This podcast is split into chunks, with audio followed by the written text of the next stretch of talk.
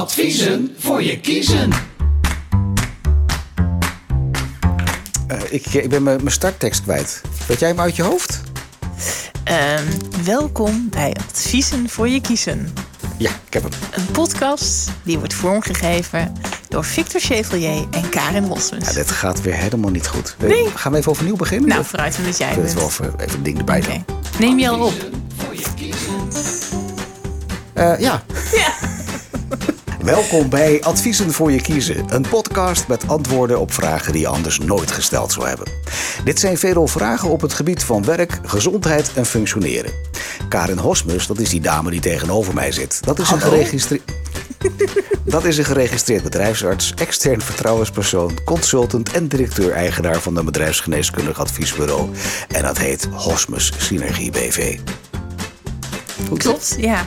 Mijn naam is Victor Chevalier. Ik werk als trainer, coach en mediator voor het Transitie Instituut. Al decennia begeleid ik particuliere werknemers en werkgevers bij problemen en veranderingen. In deze podcast. Ik weet een heel leuk onderwerp. Waarom hou je dat blaadje steeds verder van je af? Als je denkt dat het met mijn ogen te maken heeft. Ja. Eh, nee, want ik heb hier een leesgedeelte in zitten. Dus dat is. eh, Oh, Nee. oké. eh, dat valt, je tegen. Dit valt me tegen. Waarom Ja. hou je het dan zo ver van af? Je denkt van, nou, eh, wat heeft hij lange armen? Ja, dat weet ik eigenlijk ook niet. Nou, eh, we gaan het hebben over. eh, eigenlijk is het thema eh, werk en privé, maar dan hoe je dat combineert. Want de vraag is als volgt: Ik ben gescheiden en sta er nu alleen voor met mijn twee jonge kinderen. En daardoor moet ik me telkens ziek melden omdat ik zo moe ben, of omdat een van de kinderen ziek zijn. Hoe los ik dit op? Help, dokter Karin. Wat gaan wij haar adviseren? Oh, die is heel kort eh, eh, door de bocht. Want het is natuurlijk wel wat complexer verhaal. In, Kort door de bocht. ja, je Is zegt jouw gaan we al? adviseren. Van, Oh, dus eh, dit is het antwoord al. dit is het antwoord al. Ja, Ja? Dat zeg je toch? Of? Nee, Oh. nee, dat zou echt heel onaardig zijn. Ja, ik vond het ook al, maar Ja. ja. als dat jouw antwoord is. Ja, nee, maar je, je, gooide hem zo zeg maar voor open doel. Nee, maar dit is natuurlijk een heel reëel, een serieus en voor heel veel mensen denk ik ook herkenbaar probleem, een situatie. Ehm, want het leven is best pittig als je alleenstaand bent en de zorg hebt voor kinderen. Ja. En daarnaast ook nog een baan hebt eh, eh, waar vaak ook hoge eisen mee gepaard gaan aan beschikbaarheid, bereikbaarheid en inzet. Dan is dat eh, behoorlijk pittig. Maar wat gaan we haar adviseren dan? Want we hebben nu geformuleerd dat het probleem er is. Nou, dat wist ze zelf ook al. Dus ik ga ervan uit dat het een zij is. Ik weet het niet eens zeker. Waarom zou eigenlijk? theoretisch- Ja, precies. Dat is mijn aanname. Ja, Maar dat is niet fair. nee. Ehm, want er zijn natuurlijk ook eh, alleenstaande mannen met ik wou kinderen. zeggen, ik, eh, ik heb ook genoeg alleenstaande mannen op mijn spreekuur. Ja, Ja, en er zit ook iemand tegenover mij Ja. die nu naar zichzelf wijst, die dat ook herkent. precies. Want dat was ik zelf ook. Ja. Ja. Nee, de, de, de kern is, en, en eigenlijk losstaand of daar nu de scheiding nog bij komt en de kinderen. Maar de kern gaat natuurlijk over evenwichten in je leven. Ja. En eh, eh, hoe wil ik mijn leven inrichten? Hoe kan ik dat inrichten? En vaak eh, spelen financiële keuzes daar een rol in, maar ook beschikbare vrije tijd en zorgtaken, soms ook mantelzorgtaken. Mhm.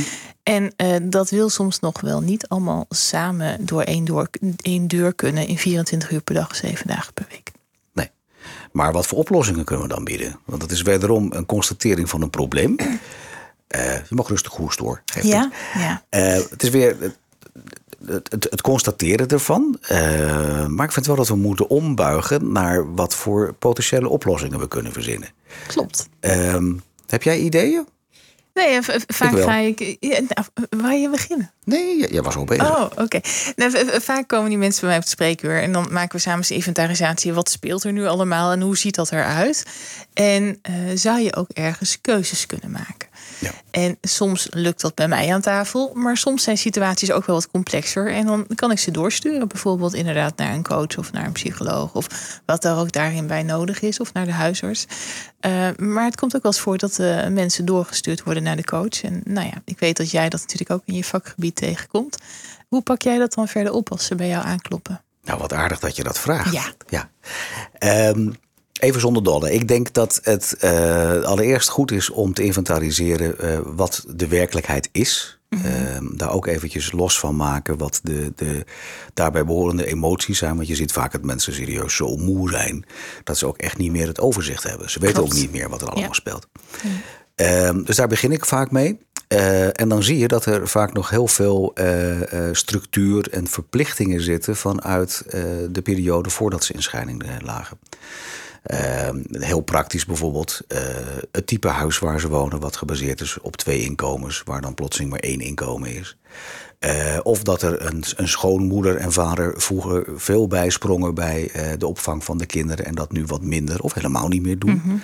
Eh, nou, dus wat ik, wat ik ga doen is daar eigenlijk eerst even eh, een soort inventaris maken van wat speelt er nu werkelijk. Wat, wat, wat is oud zeer. En dat zowel in praktische zin als in emotionele zin. Ehm, en dan kijken waar je daar eh, tot oplossingen komt. En, en daar geef ik je volkomen gelijk in. Op een gegeven moment ontkom je er niet aan om ook daar echt keuzes in te maken. Ja. Dat mensen vaak op de oude voet eigenlijk ook, ook financieel, willen doorleven. Terwijl dat gezien de nieuwe situatie nu eenmaal niet kan. En dat, daar, daar, daar moet je echt wel eh, mensen mee helpen om dat inzicht te geven. Dat eh, financieel is natuurlijk een aspect. Maar tegelijkertijd gaat het eigenlijk alleen maar om gelukkig zijn. En dat kan vaak met minder geld of met een ander huis of met eh, minder dan, dan, dan drie auto's gaat het ook wel.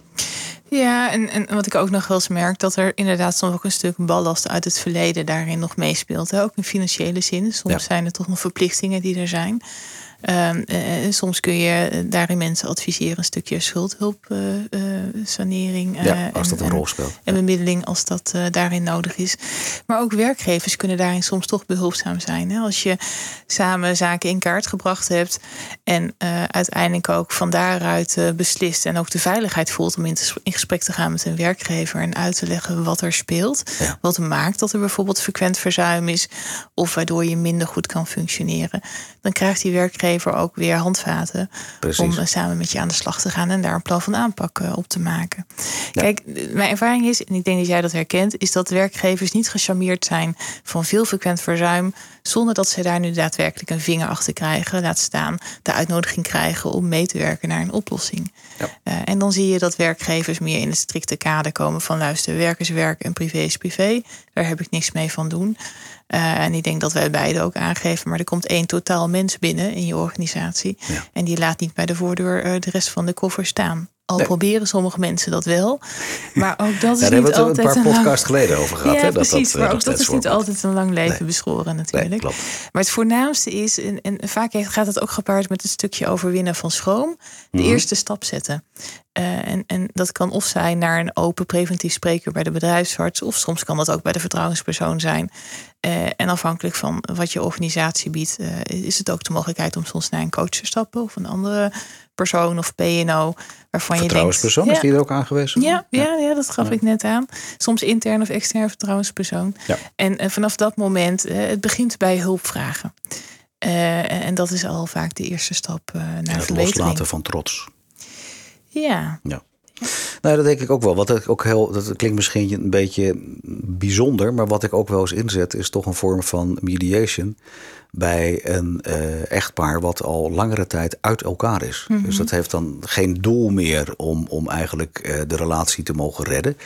eh, maar wel om de stukjes op te ruimen van wat er eventueel nog is. precies. En daar staan mensen vaak heel raar in. Zeker als ik dat als eerste bij een werkgever naar voren breng. Van joh, ik wil dat gaan inzetten om die en die reden. Eh, d- daar heb ik best veel moeite om dat, om dat te legitimeren. Omdat men heeft, ja, dat is privé. Ja. Ja, dat snap ik wel. Maar als dat telkens tot uitval leidt en telkens in die situatie blijft, dan ontkom je daar naar mijn idee niet aan. Nee, dus dat is de reden dat ik dat doe.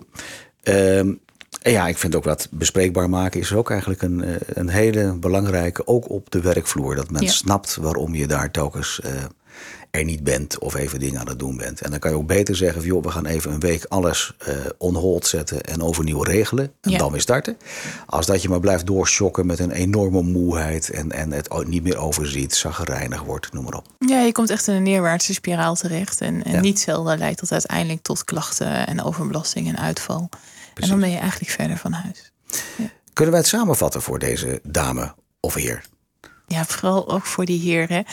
Ehm, wees welkom. Ik, denk dat dat, of, eh, of dame, oké. ik denk dat dat vooral eh, de kern van de boodschap is.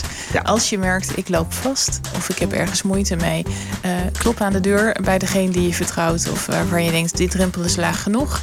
En van daaruit kun je zeker hulp krijgen om verder te gaan kijken. En een stukje begeleiding. En anders mag je ons ook bellen. Zeker, Appen of voel je vrij. Absoluut. Dit was weer een aflevering van Adviezen voor je kiezen, onderdeel van De Praatkast. Een podcast met antwoorden op vragen die je anders nooit gesteld zou hebben.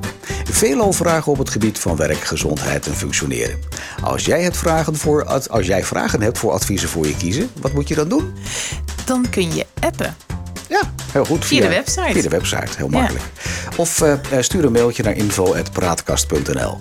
Deze podcast wordt je aangeboden door Hosmus Synergie en het Transitie Instituut. Dankjewel voor het luisteren naar Adviezen voor je kiezen. En eh, graag tot de volgende aflevering. Tot de volgende keer. Dag. Dag.